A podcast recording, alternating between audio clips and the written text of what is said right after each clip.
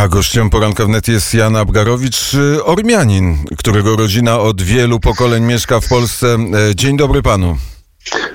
Dzień dobry panie redaktorze, dzień dobry państwu. No I potrzebujemy trochę e, historycznego e, wykładu na temat tego go- górnego Karabachu, czyli miejsca, w którym teraz trwa wojna między Ormianami a Azerami. Wykład to może trochę za dużo, raczej kilka refleksji, które e, wynikają z tego, że no, obserwujemy, zawsze jesteśmy związani z naszą starą ojczyzną, praojczyzną, jak mówimy, Mm, i, i mamy z nią kontakty, a co to, co tam się teraz dzieje, no, napawa nas mm, e, wielką troską, a nawet przerażeniem, bo, bo mm, no, sytuacja w tej chwili w Armenii, właściwie Górskim Karabachu, a w tej chwili w Armenii, no i nie napawa nas mm, zadowoleniem, a właśnie, właśnie zasmuca i tym bardziej, że, że y, stanowisko mm, właściwie świata y, według mojej oceny mm, jest, jest y, przerażające, ponieważ jest w tej chwili toczona wojna, a świat uznaje integralność, y, czy trzyma się nawet oświadczenie rządu polskiego, że nawołuje do zachowania integralności mm, granic. Natomiast y, y, my stoimy na stanowisku prawa do samostanowienia. No to jest takie, takie podejście, integralność granic. No mamy tutaj przykład Kosowa, prawda, gdzie, gdzie cały świat łącznie z Polską uznał Kosowo, żeby chronić ludność y, Kosowarów tak zwanych przed Serbami, co, co było iluzoryczne w porównaniu z tym, co grozi Ormianom, jeśli mm, jeśli, jeśli Aze- Azerbejdżan czy Azerowie uzyskaliby tam władzę polityczną i możliwość, no bo Ormianie niestety no nie mogą żyć e, w jednym kraju z, z Azerami. Świadczą ich historyczne jakieś y, zaszłości, no i całkiem współczesne wydarzenia, które się zdarzały już za naszej pamięci. No jest to bardzo smutne. A skąd, I- a skąd to w takim razie wejdźmy w tą historię? Skąd ta wrogość, skąd ta nienawiść między Ormianami a Azerami? No, sięgając głębiej, to Azerowie, właściwie nie Azerowie, tylko nazywano ich Albanami kaukaskimi, no bo mamy tutaj analogię powiedzmy do Polaków i do Ukraińców. Niektórzy mówią, że nie ma takiego, nierozsądni ludzie w Polsce, że nie ma takiego państwa jak Ukraina, prawda? No tam Ukraińcy nie żyli w, dawnych czasach koło Polski, ale żyli Rusini. Prawda? Jak się ktoś nazywa, to się może sobie zmienić nazwę. Podobna była sytuacja przez całe tysiąclecia. No tam różne były państwa, prawda? Różna była władza.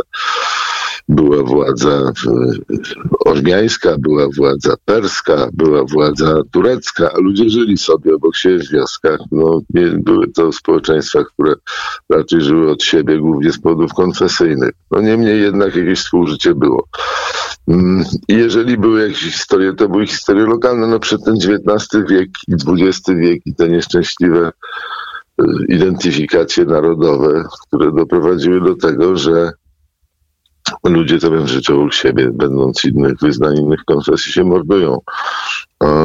No i, i y, no mamy przykłady, prawda? Zaczęło się to już w taka, tak, takie, takie wojny no w, czasie, w czasie pierwszej Republiki Armenii, która powstała w maju 18 roku um, i, i została zbolszewizowana. To też jest taka historia, że e, przewrót bolszewicki udał się w, w Azerbejdżanie.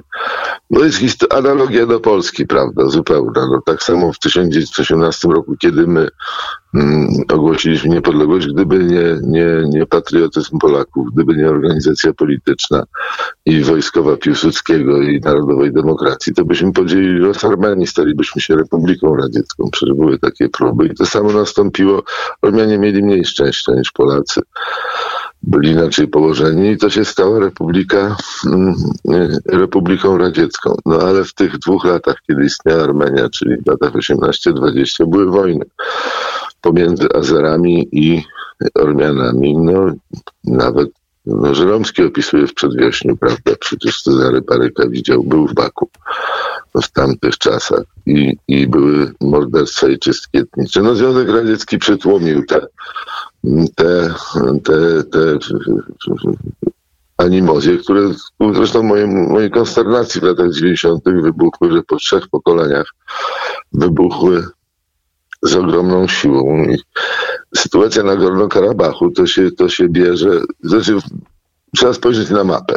Trzeba spojrzeć na mapę. Jeżeli mówimy o integralności granic, to zatwierdzamy coś, co wymyślił Stalin. Bo jeżeli popatrzymy z zachodu na wschód, to mamy tak Turcję. Potem mamy niewielką enklawę Nachiczewanu, gdzie w czasach I wojny światowej przedtem 70% stanowili Ormianie. Zostało to przyznane, Azerbejdżanowi. W tej chwili nie ma praktycznie Ormian w Nachiczewani. Potem mamy Armenię, a właściwie prowincję Zanzegur, która była w większości zamieszkana przez Ormian, ale też tam było kilkanaście, kilkadziesiąt procent Azerów. Mówimy o sytuacji sprzed 100 lat. Oni znikli. No i potem mamy Karabach. Karabach, który dzisiaj stanowi ten problem. I w Karabachu, no historycznie rzecz biorąc, Rosja zdobyła Hanat Karabachski na początku XIX wieku. I został przeprowadzony mm, spis ludności dla celów podatkowych, więc no i w dodatku przez Rosję carską, więc nie zainteresowano kto jakiego jest, jakiej jest narodowości, tylko żeby płacił podatki. I tam 97-96% stanowili Ormianie na terenie Hanatu Karabachu, który nie całkowicie, ale pokrywa się mniej więcej z dzisiejszym górskim Karabachem. No i to jest, to jest historia, prawda? Wróćmy znowu do końca ubiegłego wieku. Wydawać by się mogło, że po tylu latach chodzenia do jednej szkoły, służenia w tej samej armii, pracowania w tych samych zakładach, te, te społeczności jakoś mogą żyć ze sobą. Okazało się, że jest to błędne. Zaczęło się to jeszcze w czasach pierestrojki, kiedy no nie czas teraz i miejsce mówić, jakie tam były przyczyny. Doszło, doszło w Sumgalicie, czyli, czyli w trzecim co do wielkości mieście w ówczesnej azerbejdżańskiej socjalistycznej Republice Radzieckiej do masakry Ormian. Do masakry Ormian, gdzie na pewno zginęły 32 osoby, bo to przyznają źródła azerskie. Ormianie mówią, że o wiele więcej, no ale zatrzymajmy się już na 32 osobach i co najmniej kilkuset rannych do 1800. Zakończyło to się eksodusem i ucieczką Ormian z Baku i właściwie z całego Azerbejdżanu. I ruchawki objęły również Górski Karabach, w którym 100 lat temu było 90% Ormian i 10% Az Azerów, a, a w latach 90. było 70 już tylko procent Ormian. No niemniej jednak przewaga etniczna Ormian zaowocowała wojną w wyniku której powstała Republika Karabachu. No i jest to problem duży, bo jeżeli wracamy do tematu integralności granic, no to jest to z punktu widzenia prawa międzynarodowego y, terytorium y, Republiki Azerbejdżanu. No ale co zrobić wtedy z Ormianami? Co zrobić wtedy z Ormianami? I my, Ormianie, stoimy na, na stanowisku, że musi być prawo do samostanowienia, czyli ziemia, ta ziemia zamieszkana przez Ormian musi zostać przez Ormian. Y, y, musi być przy Armenii. Nie ma, nie ma y, Armenii bez Karabachu. To jest, to jest nasza, jeżeli nie główny, to jeden z trzech głównych ośrodków, kiedy powstał naród ormiański no grubo przed Chrystusem. Tutaj właśnie Tigran Wielki miał swoją stolicę. A jak nie możemy żyć? Jak, przykład jest taki, już chyba wspominany na, na, na antenie radia. Mm, jak wygląda współżycie Ormian ze Zerami. No to jest straszny wypadek z lutego 2004 roku. Nie wiem, czy pan redaktor słyszał o, o tym, jak y, Azer Ramil Safarow w czasie, na, w Budapeszcie, na Węgrzech, w czasie kursu języka angielskiego finansowego, no, finansowanego przez NATO z pełną premedytacją. Poszedł do supermarketu, kupił siekierę i w nocy wszedł do pokoju swojego kolegi, swojego kolegi, no, mm, oficera, który z kolei y, ormiańskiego, y, Gurgena Margariana i obciął mu siekierą głowę. Obciął mu siekierą głowę. Próbował również y, zabić drugiego kolegę Gurgena Margariana, ale się nie udało. No i co się stało dalej? No, oczywiście e, Safarow został zatrzymany przez policję węgierską i zasądzony na dożywocie.